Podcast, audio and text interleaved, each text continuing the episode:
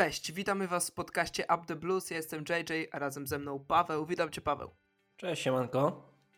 Nigdy nie ma nudnego okna transferowego na Stamford Bridge. Taka jest już chyba zasada. Chelsea znów zdominowała okno transferowe. Niestety nie możemy tego samego powiedzieć o boisku, ale przynajmniej okna transferowe dominujemy i przynajmniej podczas nich jest ciekawie. I dziś spotkaliśmy się, żeby to okno transferowe podsumować, bo działo się tak dużo, że wydaje mi się, że trzeba, no trzeba to wszystko zebrać do kupy, bo myślę, że można było się w tym 10 razy pomylić. Zacznijmy od początku i od liczb. Chelsea w sumie sprzedała 25 piłkarzy, licząc łącznie z wypożyczeniami. Zarobiła na nich 295 milionów funtów, no a wydała odpowiednio 464 i Paweł, zanim się połączymy z naszym ekspertem, o którym chyba możemy od razu powiedzieć, e, połączymy się z Michałem Zachodnym, który co prawda jest na lotnisku, ale, ale będzie mógł z nami pogadać o kilku ważnych aspektach tego okna transferowego, no to zapytam Ciebie, jak oceniasz to okno transferowe? Mimo wszystko pozytywnie. Wiesz, może nie, nie, nie ze względu na to, patrząc kto przyszedł do Chelsea, chociaż tutaj też kilka pozytywów jest, to no, trzeba sobie spojrzeć na to, że w Chelsea potrzebne były czystki i tych czystek yy, dokonał Todd Bowley razem z ekipą i chyba nikt się nie spodziewał, że w tak łatwy sposób i tak sprawnie po prostu pozbędziemy się tylu piłkarzy, którzy gdzieś tam y, Chelsea trzymali na tym średnim poziomie przez yy, kilka lat. No czyli zaczynamy od tych, od tych e, sprzedaży, to ja się z tobą zgodzę, o tym dużo mówiliśmy, um, ale masz jakiegoś takiego zawodnika, którego żałujesz, że Chelsea oddała?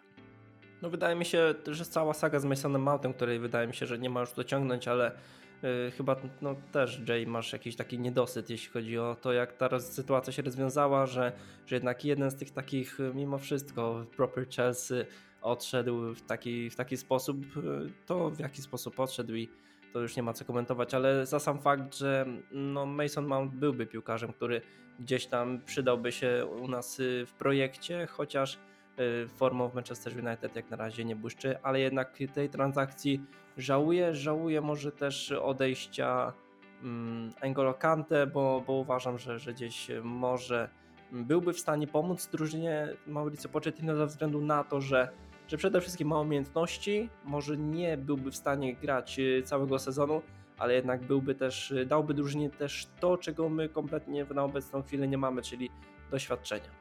No ja się z tobą nie zgadzam w tej kwestii. Oczywiście Chelsea potrzebuje doświadczenia, ale jeśli miałbym w takim razie jakiegoś transferu żałować, no to raczej Jorginho tego, tego transferu pół roku temu, kiedy oddaliśmy go za grosze do Arsenalu, a nie N'Golo. Nie wydaje mi się, żeby Kante w szatni był jakąś ważną postacią. Kante kontuzjowany nie jest nam potrzebny, a wiemy, że Kante kontuzjowany już właściwie nie istnieje, przynajmniej nie w Chelsea, więc całkowicie zbędny to był zawodnik. Jedyne, czego żałuję, to że nie podpisaliśmy z nim wcześniej kontraktu i na nim nic nie zarobiliśmy, bo jestem przekonany, że nawet mimo tego, że nie grał w ostatnich sezonach, to moglibyśmy na nim zarobić, nie wiem, 20-30 milionów funtów, biorąc pod uwagę, jakie ceny padały w tym oknie transferowym, szczególnie z Zatoki Perskiej, więc y, to jest jedyne, czego żałuję przy Kante, a doświadczenia raczej bym szukał Jorginho i to jest gdzieś taki transfer, który ja rozumiem i od początku mówiłem, że dziwiłoby mnie, gdyby Jorginho nie odszedł, ale czasami mam wrażenie, że w szatni po prostu kogoś takiego brakuje. Kto mówi w kilku językach, kto jest liderem, kto ma doświadczenie. Ostatnio myślę, że wiele osób oglądało mecz Manchesteru United z Arsenalem. Tam Jorginho całą drugą połowę dyrygował drużyną, nawet bardziej niż Mikel Arteta i tak sobie pomyślałem, że brakuje takich charakterów w Chelsea, a, a i piłkarsko Jorginho coś tam umiałby e, od siebie dorzucić, chociaż ani nie pasował do Pottera, ani nie pasował do Lamparda, ani nie pasuje do Mauricio Pochettino, więc w sumie nie ma co o tym Jorginho mówić. A jaki według Ciebie był najlepszy transfer z tych, e, które, z tych zawodników, którzy z Chelsea odeszli? Mm, Okej, okay, Havertz, no słuchaj, po tym jak... Tutaj nie ma wątpliwości. No nie ma wątpliwości, słuchaj, opchnęliśmy go za takie siano. Gdzieś widzimy jak w tym Arsenalu kopie się po własnych nogach. Po wczorajszy bodaj, wczoraj grał Arsenal z Manchester United, prawda? Y, to... Jak to nagrywamy, to tak, bo nagrywamy to w tak. poniedziałek. Nie wiem, kiedy wy tego słuchacie. My nagrywamy w poniedziałek, a Czyli mecz wczoraj. Manchester United tak, tak, tak. Z, z, Arsenalem był w niedzielę. E, tak, no to widzieliśmy, co, jakich cudów dokonywał Kai Havertz. Tam e, już naprawdę szybko, szybko się ogarnęli kibice Arsenalu, że, że, że złapaliśmy Yy, konia za nogi, czy jak to, jak to się mówi, czy za ogon, nieważne, ale wiesz o co mi chodzi, że, że po prostu upchnęliśmy piłkarza, który no, jak na obecną chwilę jest y, tragiczny i że, że tam nie widać żadnych perspektyw, żeby ten Kai Havertz tam dalej szukają mu pozycji, dalej jest rozmowa w obozie Arsenalu, jaka tam y, pozycja jest dobra Havertza, gdzie my rozmawialiśmy tak przez, y, przez cały czas odkąd przyszedł do nas z Bayeru Leverkusen, więc no, sprzedaż Havertza za takie pieniądze to jest naprawdę konkretny styl, Zresztą też jest kilka odejść, które wzmocniło drużynę, jak Christian Pulisic, którego yy, no, za fajne pieniądze, bo za 20 milionów euro sprzedaliśmy do Milanu. Też widzimy, że on też odżył trochę w tym Milanie, więc też sympatycznie się to, się to ogląda. Też Ruben Loftus-Cheek, który, który odszedł. Też kilku piłkarzy, którzy no, gdzieś tam te tygodniówki zabierali i, i w końcu odeszli, jak nie wiem, Bakayoko, czy nie wiem, Babaraman, który w ogóle w Chelsea zapomniałem, że był, ale no Kai Havertz no to numer jeden, jeśli chodzi o odejście tego lata. I teraz pytanie do naszego gościa, do Michała. Y, tutaj zapytaliśmy go, jaka pozycja według niego nie została odpowiednio wzmocniona i czy w tych całych czystkach, które zostały, zostały przeprowadzone na Stamford Bridge y, tego lata, był ktoś kluczowy dla projektu Mauricio Pochettino, także głos oddajemy Michałowi. Uważam, że taką postacią kluczową mógłby być dla każdej drużyny Kante. Oczywiście wiem, wiele kontuzji, nie grał dużo, ale po prostu bardzo, bardzo żałuję jego odejścia, bo to był wspaniały piłkarz. I myślę, że przydałby się każdemu trenerowi na świecie, gdyby był w formie. Szkoda, że odszedł do Arabii Saudyjskiej. Bardzo żałuję jego odejścia, bo wiem, jakim jest jaką jest legendą, postacią, no po prostu nietuzinkową, piłkarzem kapitalnym. I to widać było, no nadal mam, uwierzcie mi w głowie, to spotkanie z Tottenhamem, które e, jeszcze wówczas prowadził Tomasz Tuchel, pamiętacie to z takim siłowaniem się z Antonio Conte jego, 2-2 po e, golu w ostatnich sekundach, natomiast wówczas do kontuzji Golo Kante, tej kontuzji, która go wykluczyła na większość sezonu. On był po prostu najlepszy na boisku i też sprawiał, że ten zespół jest e, zdecydowanie lepszy. Ja w ogóle nie mam zaufania do Roberta Sancheza, nie mam zaufania, że to jest bramkarz na klub z Ligi Mistrzów. Na razie nie zrobił nic, żeby mnie jakoś specjalnie przekonać. Chyba jedna jakaś taka bardziej spektakularna interwencja. Ani w Brighton też mnie nie przekonywał. Zresztą zobaczyliśmy, jak wchodzi do bramki Jason Steele i ile to zmieniło i też to, że dokonali transferu, mówię o Brighton, nowego bramkarza z e, bodaj Belgii, też wiele o tym mówiło i to jak oddali Roberta Sancheza. No po prostu nie mam zaufania do tego bramkarza i wolałbym naprawdę, żeby e, został Kepa, e, bo uważam, że się odbudowywał. Oczywiście on sam chciał odejść. Druga pozycja nieobstawiona to jest napastnik w typie takim, który bardziej pasował do takich meczów jak z Nottingham Forest gdy rywal jest bardzo nisko ustawiony, gdy rywal gra trójką środkowych obrońców, a taki Nicolas Jackson, co widzieliśmy, ucieka ze swojej pozycji i po prostu e, brakuje go w polu karnym i też nie jest w stanie grać tak dobrze tyłem do bramki przeciwnika, z przeciwnikiem na plecach. No zresztą mówił Mauricio Pochettino o tym, że potrzebują napastnika, szukają napastnika, ale przede wszystkim szukają napastnika o profilu pasującym do jego drużyny. No to nie udało się go znaleźć, bo takiego transferu Chelsea nie przeprowadziła w ostatnich e, dniach okienka transferowego. Z Michałem jeszcze będziemy się łączyć, jeszcze będziemy mu zadawać inne pytania, ale teraz przejdźmy do tych zawodników, którzy Chelsea wzmocnili. I tutaj cały czas będę przypominał tę liczbę 464 miliony euro. Tyle Chelsea wydała, około tyle Chelsea wydała podczas tego okna transferowego. Trzecie okno z rzędu Chelsea wydała najwięcej nie tylko ze wszystkich klubów w Premier League, ale ogólnie ze wszystkich klubów w Europie. I no i zacznijmy może od takiego pytania, um, Paweł. Jak ty na to patrzysz? Wymieniliśmy całą kadrę, mówiliśmy o tych zawodnikach, którzy odeszli, teraz o tych, którzy przychodzą. Czy, czy nie boisz się takiego chaosu, który Chelsea znów opanuje? No chaos będzie. Chaos będzie, póki jakoś, y, póki trener nie przetrwa jednego sezonu moim zdaniem, bo jeśli Pochettino nie przetrwa tego sezonu, to ten chaos nie skończy się w tym klubie absolutnie. No musieliśmy przejść taką y, rewolucję w drużynie, y, w całej kadrze. Ona została dokonana, więc spokoju no absolutnie nie możemy oczekiwać przez najbliższy czas. Średnia wieku to 21 lat, jeśli chodzi o te nowe wzmocnienia, więc... A cały sukcesu- skład, średnia wieku całego składu, przepraszam, że ci przerywam, Mhm. 22,5 roku i to nawet, nawet licząc 38-letniego Thiago Silva, czyli skład Chelsea średnio jest młodszy ode mnie o 2 lata, co mnie przeraża. No to brzmi fenomenalnie, więc ym, no, to samo pokazuje, że przede wszystkim kadra Chelsea została zrewolucjonizowana, kompletnie zmieniona, więc y, tutaj musimy oczekiwać pełnego procesu, jakby tego słowa każdy już nienawidzi, ale, ale procesu, więc y, te wyniki nie przyjdą od tak, nie przyjdą od zaraz.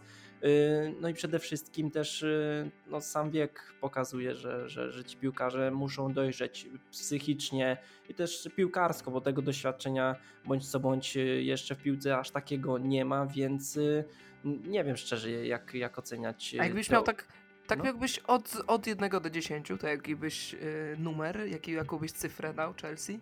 Y, Pod względem transferów y, do, klubu, tak? no. Mhm. Mhm. Wiesz co, piątkę. Wydaje mi się, że piątkę. Piątkę, Y, czyli nisko, nisko, nisko. stosunkowo. Ja, ja, się, ja się z tobą zgadzam, bo um, No ja Jędrzej, przerwę ci, przerwę ci. Wydaliśmy po prawie 500 milionów, a wymień mi przynajmniej trzech piłkarzy, którzy są klasowi. Bo moim zdaniem tak, Kajsedo, który jak na razie nie dojeżdża, ale ja wierzę, że on dojedzie, nie, więc Kaj, ja Kajsedo... Nie uważam, żeby nie dojeżdżał. No, Znaczy, dobra, ale no słuchaj, każdy mimo wszystko spodziewałby się lepszego wstępu do drużyny, ale Nie, ja, ja tak nie powiem, naprawdę. Wydaje mi się, że to, był, to jest przyzwoity, e, przy, przyzwoite pierwsze mecze. On nie miał też normalnego okresu przygotowawczego. wiadomo, ja to jestem wiadomo. bardzo cierpliwy. Ja jestem No, bardzo no, no, cierpliwy no. i wydaje mi się, że i jestem zadowolony ogólnie z tego jak na razie. dobra, na ale razie- to, to jak Kajsedo się prezentuje, to mniejsza, patrzymy na, na przyszłość i na samą klasę zawodnika. Kajsedo i Nkunku, moim zdaniem, to jedyne nazwiska z wszystkich piłkarzy, którzy zostali ściągnięci do klubu, o których możemy powiedzieć, że to są naprawdę konkretne nazwiska, bo jednak tak, y, Labia, 19-latek kupiony za 62 miliony y, euro, no gdzieś y, może jakość jest, doświadczenie w lidze jakieś tam może ta, też, no ale jednak no, nie patrzysz na Romeo Lavia jako piłkarza, który, który jednak zjada każdego w środku pola. Gdzieś Cole Palmer, czyli piłkarz, który był tym wyczekiwanym przez Mauricio Pochettino, czyli piłkarza z Premier League ogranego, ale czy takiego piłkarza oczekiwał Mauricio Pochettino? O takim piłkarzu przecież nieraz wspominał na konferencji prasowej.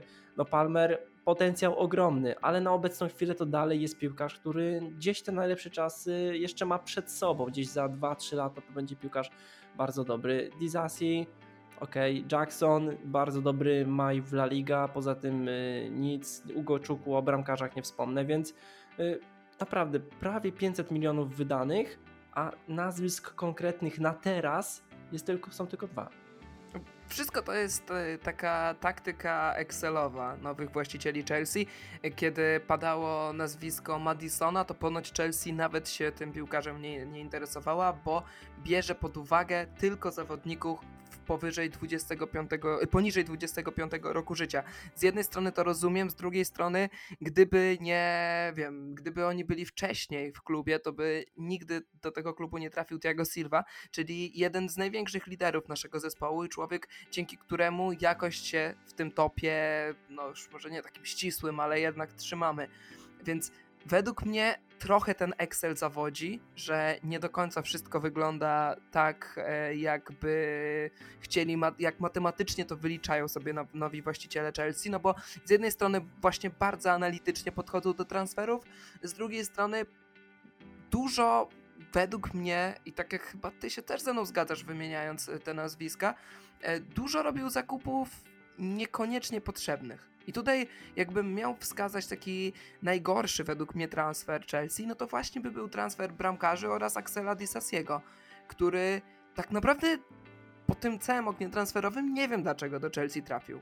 Rozumiałbym, gdyby Chelsea wypchnęła Czalobacha za podobne pieniądze, bo wtedy by można było go lepiej do, do kart przepisać i, i jakby, mimo że kwota by była podobna, no to Chelsea by miała większe zyski w, w księgach, więc rozumiałbym taki transfer, no ale jednak Chalobach został i kupiliśmy jego trochę wolniejszą, lepiej pod względem fizycznym rozbudowaną francuską wersję i nie mam przekonania, że to jest jakiś fantastyczny transfer.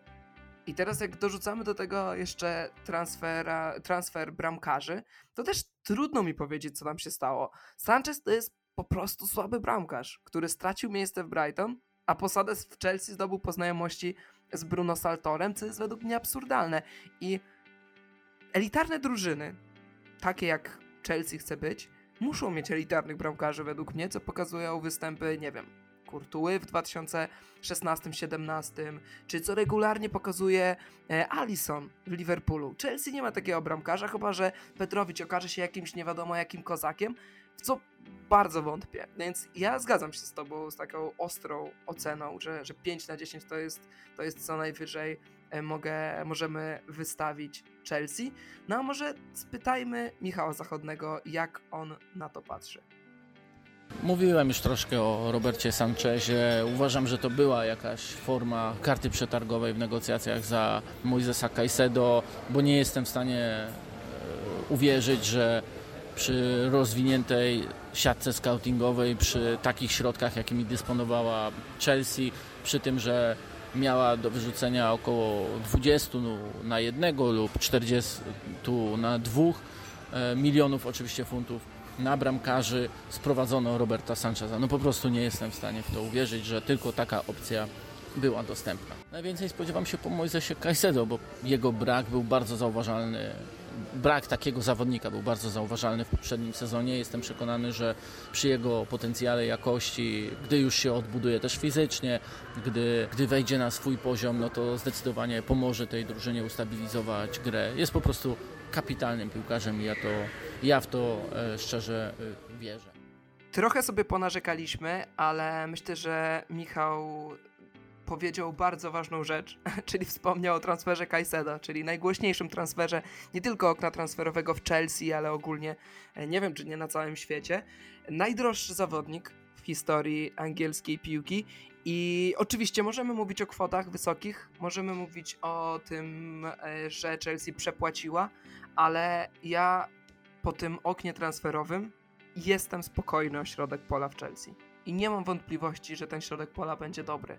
O ile inne pozycje, tutaj mam znaki zapytania, o czym sobie zaraz pogadamy, to środek pola, gdzie mamy kontuzjowanego jeszcze i, i bardzo młodego Lawie, o którym mówiłeś, ale oprócz tego Gallaghera, który po pokazuje wysoką formę i Enzo oraz Caicedo, środek pola mamy gotowy pod względem kadrowym. Trzeba oczywiście tych chłopaków jeszcze wprowadzić do składu, trzeba, żeby weszli na, na najwyższy swój poziom, ale ogólnie my nie musimy transferów robić przez najbliższe lata, jeśli nie będzie wielkich kontuzji, jeśli nie będzie jakichś nie wiadomo jakich cyrków, jeśli Caicedo nie okaże się Lukaku 2-0, to mamy tę pozycję naprawdę gotową na najbliższe, nie wiem, 5 lat.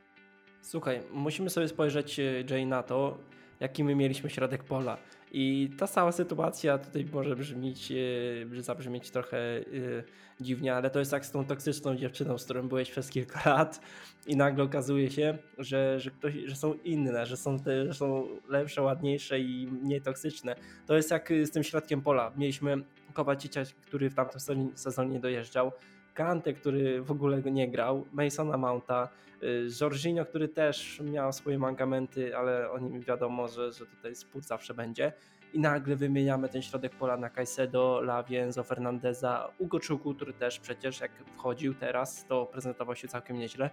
Więc no, ta przebudowa środka wydaje się być jedną z najbardziej przemyślanych przebudow, jeśli chodzi o o formację na boisku Chelsea, bo z tej przebudowy jestem bardzo zadowolony, bo zostało to mm, mimo że, że zajęło to bardzo długi okres czasu, jeśli chodzi o okienko, ta saga z Caicedo, czy też później z Lawią, to było przeciągane jak nie wiem Ale co. Jeszcze, jeszcze zacznijmy od tego, że to przecież zaczęło się sagą z Enzo Fernandezem jeszcze no podczas poprzedniego okna transferowego. My o ten środek pola biliśmy się dobre, nie wiem, 2-3 lata. No, ale wydaje mi się, że, że warto, że, że gdzieś warto było. Zresztą y, to Here We Go y, z Heinekenem y, Fabrizio Romano, gdzie, gdzie właśnie to mówi, że Enzo Fernandez Here We Go to Chelsea. No, ja mam ciarki za każdym, za każdym razem mam ciarki. Jeszcze gdzieś ten Titanic w tle, który został tam dodany, to no, ciary mam za każdym razem. Enzo pokazał, że, że warto było o niego walczyć. Wydaje mi się, że Caicedo również będziemy o dobrze o nim mówić. Y, Romeo Lavia, no wiadomo, że jeszcze nie jest gotowy do gry, ale że gdzieś też będzie y, dobrą opcją, plus Ugo Szuku, który został w Chelsea, także no mamy nie tylko pierwszy garnitur bardzo dobry, ale gdzieś te zaplecze również y, niezłe, więc mamy w czym przebierać, jeśli chodzi, chodzi o środek pola i jeszcze... te zamienniki nie są naprawdę słabe ja bym właśnie jeszcze podkreślił sposób budowania drużyny, bo e, dużo Chelsea robi chaotycznych ruchów, mimo wszystko tak uważam. E, wydaje pieniądze niepotrzebnie, w kilku momentach tak było, ale środek pola został idealnie skonstruowany. Jeden zawodnik został wychowany przez Akademię i nie kosztował nas nic. Oczywiście chodzi o Konra Gallaghera. Dwóch zawodników przychodzi jako bardzo młodzi, nieoszlifowani, ale z wielkim talentem. Ugo Czukwu i Lawia i dwóch zawodników młodych, ale już gotowych, żeby w pierwszej drużynie grać i tutaj Caicedo i Enzo. Oczywiście w przypadku Caicedo i Lawi pewnie to są transfery znacznie przepłacone. W przypadku Enzo ja będę się upierał, że, że tyle był wart ten zawodnik i że zapłaciliśmy po prostu regularną cenę, tak samo jak regularną cenę zapłacił Arsenal za Rice'a, czy Bayern Monachium za Harego Kane'a, tak samo my zapłaciliśmy normalną cenę za Enzo Fernandeza. Tak czy inaczej, to było mądrze budowane, budowany środek pola. Przepłacony Caicedo tego nie powinien zmienić, według mnie, naszej percepcji na to, jak ta drużyna e, była budowana. A jakbyś miał wskazać taki najlepszy transfer według ciebie tego okna transferowego, już mówimy o transferach do klubu. E, wydaje mi się, że Christopher Nkunku, który jak na razie jeszcze jest kontuzjowany, ale no gdzieś poza tym środkiem pola najbardziej potrzebowaliśmy piłkarza wpływowego w ofensywnej części boiska. No i Nkunku w presezonie pokazał, że, że jednak jest w stanie zrobić ogromną różnicę. Y, szkoda, że go naprawdę nie ma w, na tym, w tym początku sezonu, bo, bo on zrobiłby wiele więcej niż y, no, między innymi Ben Chilwell na, na lewej stronie, ale to temat na inną, na inną rozmowę, ale no szkoda naprawdę, że go nie ma, bo, bo gdzieś y, te dwie porażki, remis, y, jedna wygrana, tutaj o wiele lepiej, o wiele lepszych humorach byśmy moim zdaniem szli na tę przerwę reprezentacyjną, więc Nkunku jego cena, za jaką ściągnęliśmy Nkunku, to, to chyba najlepszy transfer tego okna transferowego, bo, bo chyba no, Kajsedo jeszcze nie ma co oceniać, Lawi również, więc z tych, którzy już się zaprezentowali, to ten Kunku jak, jak najbardziej. Chociaż też, też Jackson i jego kwota też pokazuje. Właśnie miałem powiedzieć o Jacksonie. Tak, tak. Chociaż ja uważam, że Jackson jeszcze mm, nie zasługuje na takie pochwały, na jakie, jakie otrzymuje obecnie, bo gdzieś mu moim zdaniem brakuje w tych najważniejszych aspektach na boisku. Zresztą sam Pochettino mówił, że jeszcze musi mm, jakby wolniej podejmować decyzje, że, że on za szybko chce, chce to robić, że gdzieś tam spokoju jeszcze brakuje, y, więc tutaj taki największy chyba minus jak na razie u Jacksona, ale jednak no, w porównaniu do Havertza no, jest niesamowicie zaangażowany w grę Jackson. Ja spodziewałem się o wiele gorszego początku byłego piłkarza Villarealu, więc y, tutaj Jackson jak najbardziej też y, mm, takie jedno z największych zaskoczeń, może nie najlepszy transfer, ale jedno z największych pozytywnych zaskoczeń. E, zgadzam się. Dla mnie, dla mnie Jackson to chyba jest najlepszy transfer, biorąc pod uwagę, że właśnie Nkunku nie ma. I no dla mnie to jest game changer, niestety taki negatywny e, brak Nkunku. I e, ja mam duże obawy, jeśli chodzi o, o ofensywę. Mówiłem, że, że nie mam, że, że jestem pewny, że w środku pola się ułoży sytuacja. O obronę też raczej jestem spokojny, biorąc pod uwagę jak Grekowil że niedługo do drużyny wró wróci Padiashil, że mamy Tiago Silva doświadczonego, że, no, no, że ogólnie tam wszystko jakoś wygląda w tej obronie, to, to ofensywa, ja jestem trochę... Mm, na razie jestem, mogę powiedzieć nawet, że rozczarowany po tych pierwszych czterech meczach. Dla mnie Mudryk się kompromitował, w, chociażby w meczu z West Hamem i za każdym razem jak wchodził z ławki i, i ewidentnie widać, że Pochettino mu nie ufa, i dlatego nie sądzę, żeby Mudryk prędko zadomowił się w pierwszym składzie. Mm, Madueke wyglądał fajnie pod koniec poprzedniego sezonu, jak Chelsea była w chaosie i Madueke pokazywał się tylko od strony takiej indywidualnej. Ma dribbling, ma taką przebojowość, to widzieliśmy, ale u Pocza na razie znów, kiedy wchodził na boisko, to było dosłownie kilkadziesiąt minut, więc nie, jeszcze nie oceniam, ale, ale na razie widziałem u niego chaos. Jackson, tak jak powiedziałeś, potrzebuje oszlifowania, e, potrzebuje jeszcze nabrać doświadczenia i mimo, że widzimy już dużo, taką, taką dużą pozytywną zmianę, to, to to jeszcze nie jest to. I, no i Sterling musi zostać liderem, ale trochę jest tym osamotniony. I, i mecz z Nottingham pokazał, że, że sam meczu nie wygra i że nawet taki Ole Aina z Nottingham może, może go wyjaśniać i, i nie mieć z nim wielkiego problemu. Co do Cola Palmera, trudno powiedzieć, jak to będzie wyglądało, więc no brakuje takich liderów w, w ofensywie i, i takim liderem niewątpliwie byłby Nkunku.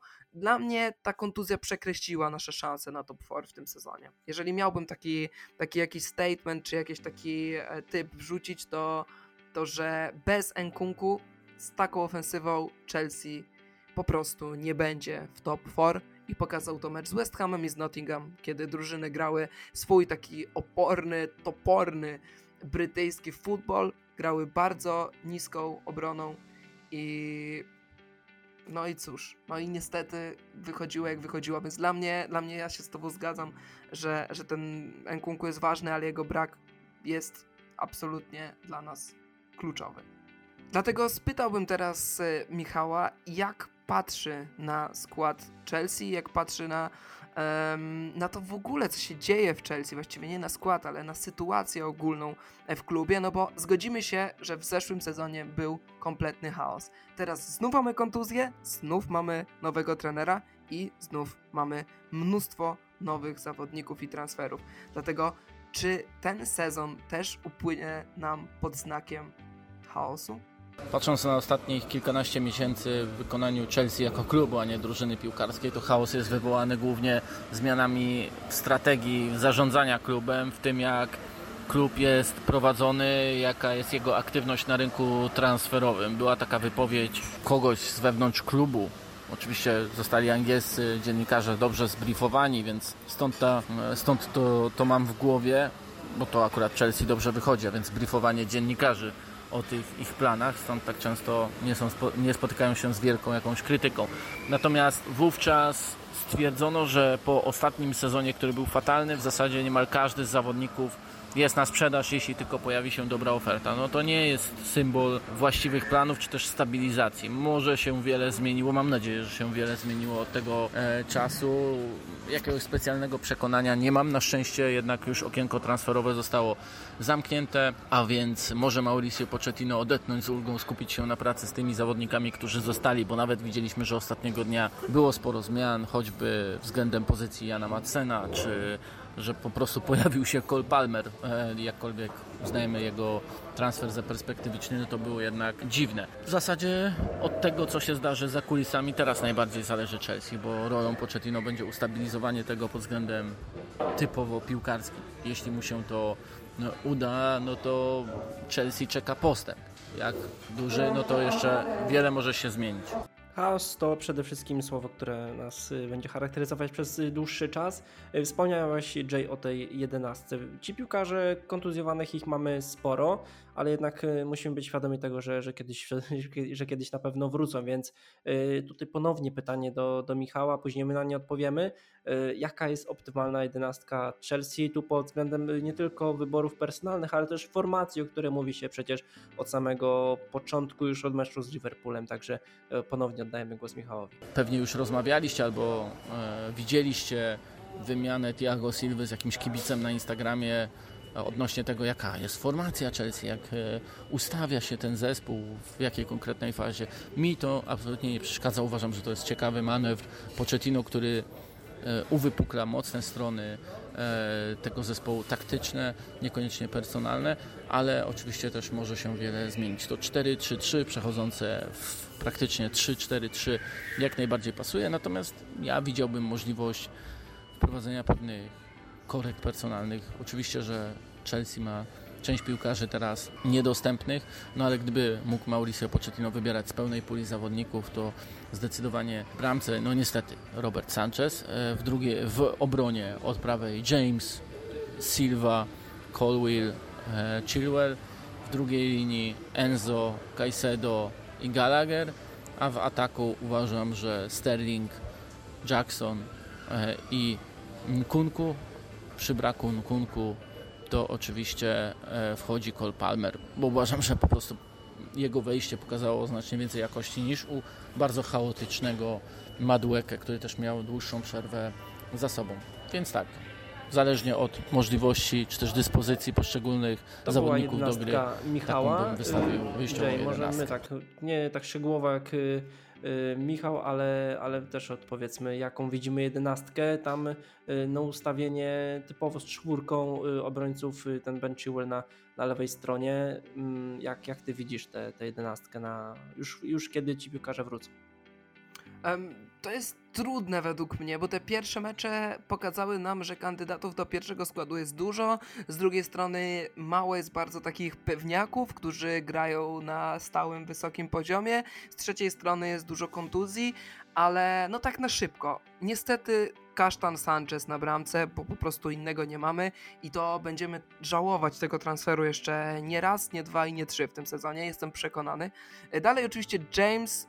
Mm, pierwsze mecze ligowe myślę, że udowodniły, że, że stawianie na kogo innego w środku obrony niż Thiago Silva e, byłoby błędem, więc cały czas stawiam na Thiago Silva z małą poprawką, że, że docelowo tego Thiago Silva ze składu będzie wygryzał albo Disasi, albo wracający po kontuzji Badiashil. Dalej Colville, myślę, że tutaj nie ma wątpliwości. No i Chilwell, wydaje mi się, że, że tak samo, mimo że został Kukureja, mimo że jest Madsen, to cały czas ja cenię Chilwella i uważam, że teraz on jest trochę rzucany nie na swoją pozycję i dlatego taki trochę hejt wokół niego jest. Co do środka pola, ja bym w ogóle widział ustawienie 4-2-3-1, takie klasyczne dla, dla Pochettino i tam bym widział oczywiście Caicedo i e, Fernandeza. Przed nimi wydaje mi się, że mógłby grać jakoś, czy tam wchodzić do tej, do tej trójki, to zależy oczywiście od taktyki mm, Conor Gallagher, on udowodnił, że jest naprawdę w wysokiej formie. Na trójka ofensywna Nkunku, Jackson, Sterling. No chyba tak bym to widział, gdyby Sterling był, gdyby Nkunku był zdrowy. Skoro nie ma w tym momencie Nkunku, to ja się zastanawiam. No chyba Cole Palmer po prostu wchodzi za Nkunku. Ja nie za bardzo wierzę w Mudryka w tym momencie i nie za bardzo jestem przekonany do Madłekę. Jak najbardziej. Wiesz co, kurczę, przewidziałeś mój skład jeden do jednego. Identyczny miałem y, przygotowany, naprawdę, więc y, to pokazuje, że przede wszystkim no, na pewnych pozycjach y, piłkarze albo są niezastąpieni, jak na przykład Thiago Silva, czy Jackson obecnie, albo po prostu nie mamy odpowiednich kandydatów, którzy mogliby na poziomie rywalizować z, z pewnymi nazwiskami. Tutaj Conor Gallagher chyba największe zaskoczenie, jeśli chodzi o, o ten skład. Yy, ale wydaje mi się, że, że to jak prezentuje się w obecnym sezonie Conor, yy, to, to udowadnia, że, że zasługuje na, na pierwszą jedenastkę i, i że tutaj no, gdzieś tę łatkę z poprzedniego sezonu musimy powoli mu odciągać, bo, bo pokazuje, że jest w formie, jest zaangażowany i że zaczyna biegać sensem, bo, bo to było u niego charakterystyczne Jay w poprzednim sezonie, że, że on, było go naprawdę bardzo dużo, ale jednak yy, no, popełniał głupie błędy, był takim jeźdźcem bez głowy. Y, Teraz u Mauricio Pochettino zaczyna mieć y, w głowie trochę więcej sensu, trochę więcej pomysłu na, na swoją grę, na to, co ma robić na boisku, więc, y, więc no Conor Gallagher zasłużenie y, na pozycji dziesiątki moim zdaniem. Y, Ja, no i wiadomo, Nkunku na, na lewej stronie, ewentualnie może y, Cole Palmer, jeśli ten Nkunku jest niedostępny, no Sterling Jackson to, to pozycje niezastąpione jak na, jak na razie. Jedynie co to zastanawiałbym się Jay nad środkiem pola, bo tam no wiadomo, że dwa nazwiska są niepodważalne, no Caicedo, Enzo, ale gdzieś ja bym może próbował wcisnąć jeszcze Romeo Lawie, żeby, żeby ten, en, e, Fern, Boże, ten y, Enzo y, jeszcze bardziej był ofensywnie nastawiony, ale to musielibyśmy zrezygnować z pozycji dziesiątki, takie 4-3-3 y, może bym widział, ale to już taki naprawdę myk, który próbowałby wcisnąć gdzieś tego trzeciego środkowego pomocnika, bo no, trzeba chyba korzystać z tego, że, że mamy naprawdę konkretną jakość w środku. Odnosząc się do, ostatniej konferencji prasowej, y, Mauricio Pochettino zapytany o to, czy nie jest za stary na to, żeby czekać y, na, na jakiś proces, no powiedział, że on, on musi wygrywać. To już jest czas, że że, że on nie może czekać, że, że musi wygrywać tu i teraz, że on chce wygrać w Chelsea y, absolutnie wszystko już teraz, więc y, tu kieruję pytanie do y, Michała Zachodnego, czy on uważa, że obecna kadra Chelsea jest gotowa na rywalizację z najlepszymi i czy w ogóle Chelsea wygra coś w tym sezonie, czy jednak trzeba czekać do tego magicznego już następnego sezonu. Najwięcej o tym powie nam tak naprawdę tych kilka tygodni po tej pierwszej przerwie na mecze reprezentacji. Nie to, że nagle dostanie Pochettino czas na pracę z tymi zawodnikami, bo doskonale wiemy, że większość z nich wyjeżdża na zgrupowania swoich kadr, ale e, po prostu skala rywali będzie znacznie trudniejsza. Mecze też może będą znacznie bardziej otwarte. Chyba nie ma przypadku w tym, że Chelsea swoich najlepszych kilkadziesiąt minut w tym sezonie zagrała wciąż z Liverpoolem w meczu, który był bardziej otwarty, w którym rywal był bardziej ofensywnie usposobiony. Oczywiście, że miała wówczas słabe momenty, no to też się jeszcze będzie tak młodej drużynie zdarzało, drużynie też labilnej, która dopiero się stabilizuje na wielu pozycjach, której e, kształtuje się choćby ta podstawowa jedenastka, w której są problemy e, z kadrą. Więc e, z jednej strony oczywiście Pochettino musi wygrywać, ale jestem przekonany, że gdyby dostał taki warunek wygrywania tu i teraz, to nie do końca po prostu odnalazłby się w tym klubie, bo widzę, że po prostu on zdaje sobie sprawę z wyzwania. Nawet przed meczem z Nottingham Forest zaczął ostrzegać swoich e, ostrzegać kibiców o tym, mówiąc o tym, że to jest cały proces, że tutaj naprawdę jeszcze może długo potrwać, zanim ci zawodnicy osiągną optymalny poziom. I tak będzie. Chelsea, jeśli, jeśli coś można przewidzieć na ten sezon, to będzie po prostu notowała bardzo duże wahania dyspozycji od występów świetnych przez takie, w których czy to pod względem dojrzałości, mentalności, jeszcze nie zaprezentuje się na najwyższym poziomie, ale to jest absolutnie normalne.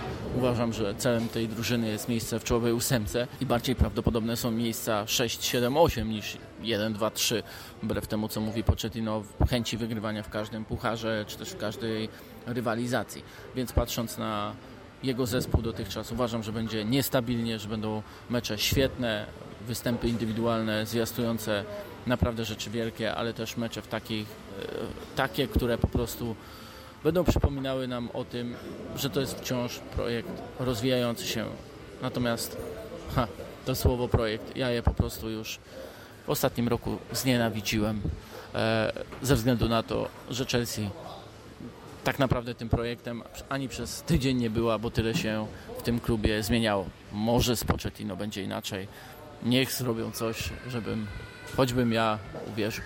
Można mówić, że, że Michał trochę e, tak sceptycznie podchodzi do tego sezonu, ale ja się z nim zgadzam. On mówi o pierwszej ósemce.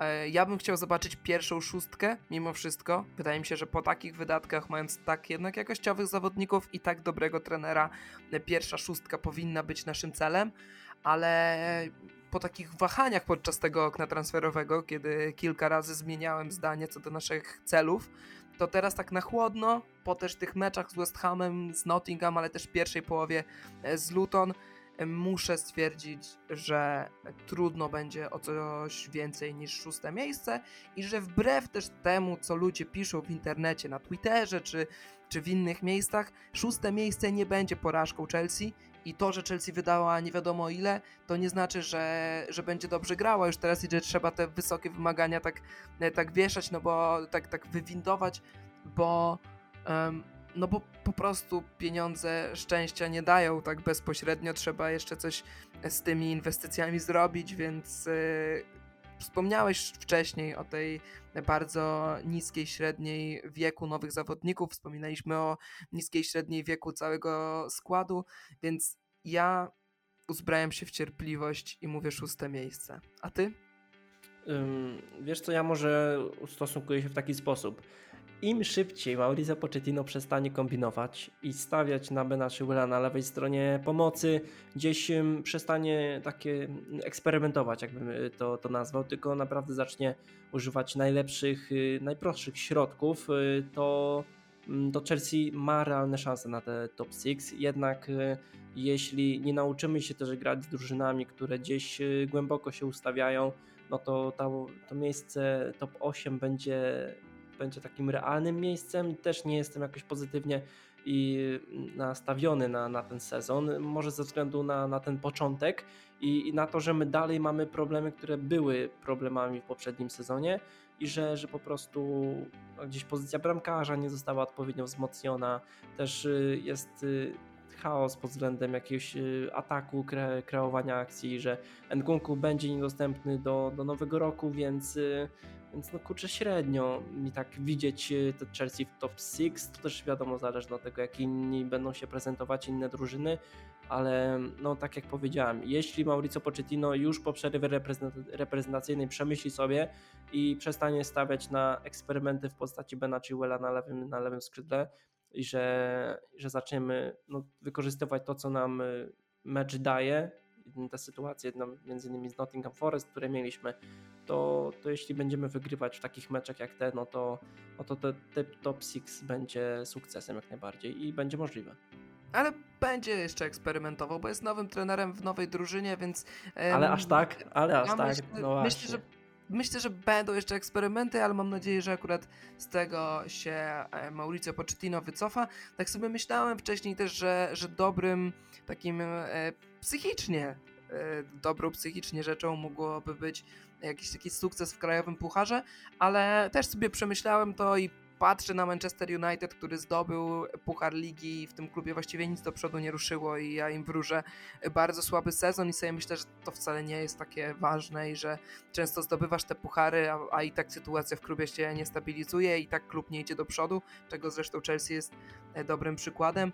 Więc e, fajnie jak coś wpadnie, ale to nie jest absolutnie kluczowe, to nie jest nawet ważne według mnie dla tego zespołu. Nawet lepiej, gdyby, e, gdyby Mauricio Pochettino uznał, że mu te puchary przeszkadzają w jakichś, nie wiem, swoich planach na ligę, to nawet lepiej by było, żebyśmy odpadli, ale oczywiście nie sądzę, żeby tak było, no bo nie gramy w Lidze Mistrzów, więc dobrze by było chociaż w tych krajowych pucharach grać jak najdłużej i dawać szansę młodszym zawodnikom, ale nie mam parcia na te puchary, nawet krajowe. Szóste miejsce w lidze i ja jestem zadowolony.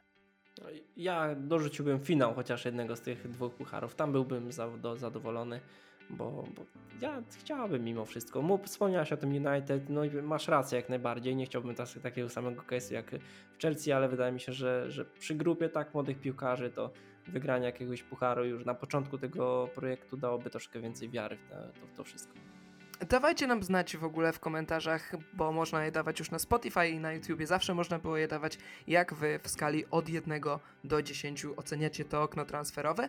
Za dzisiaj bardzo wam dziękujemy. Jak zwykle przypominam, że możecie zaobserwować nasz kanał na Spotify i na YouTubie i będzie nam bardzo miło, jak wystawicie nam ocenę na Spotify i łapkę w górę e, na YouTubie. E, dzisiaj, a i jeszcze jest oczywiście klasycznie zapraszam do naszej grupki na Facebooku True Blues Poland. Bardzo dziękujemy Michałowi Zachodnemu z Viaplay, który nam e, towarzyszył i który dzielił się z nami takimi bardziej eksperckimi e, opiniami. A no, z Wami przez ostatnie ponad 40 minut byli JJ oraz Paweł. W takim duecie jeszcze nie raz się usłyszymy w tym sezonie, więc przypominam, zaobserwujcie kanał i jeszcze podczas tej przerwy reprezentacyjnej coś od nas na pewno wpadnie. Dlatego do usłyszenia i słyszymy się niedługo. Cześć.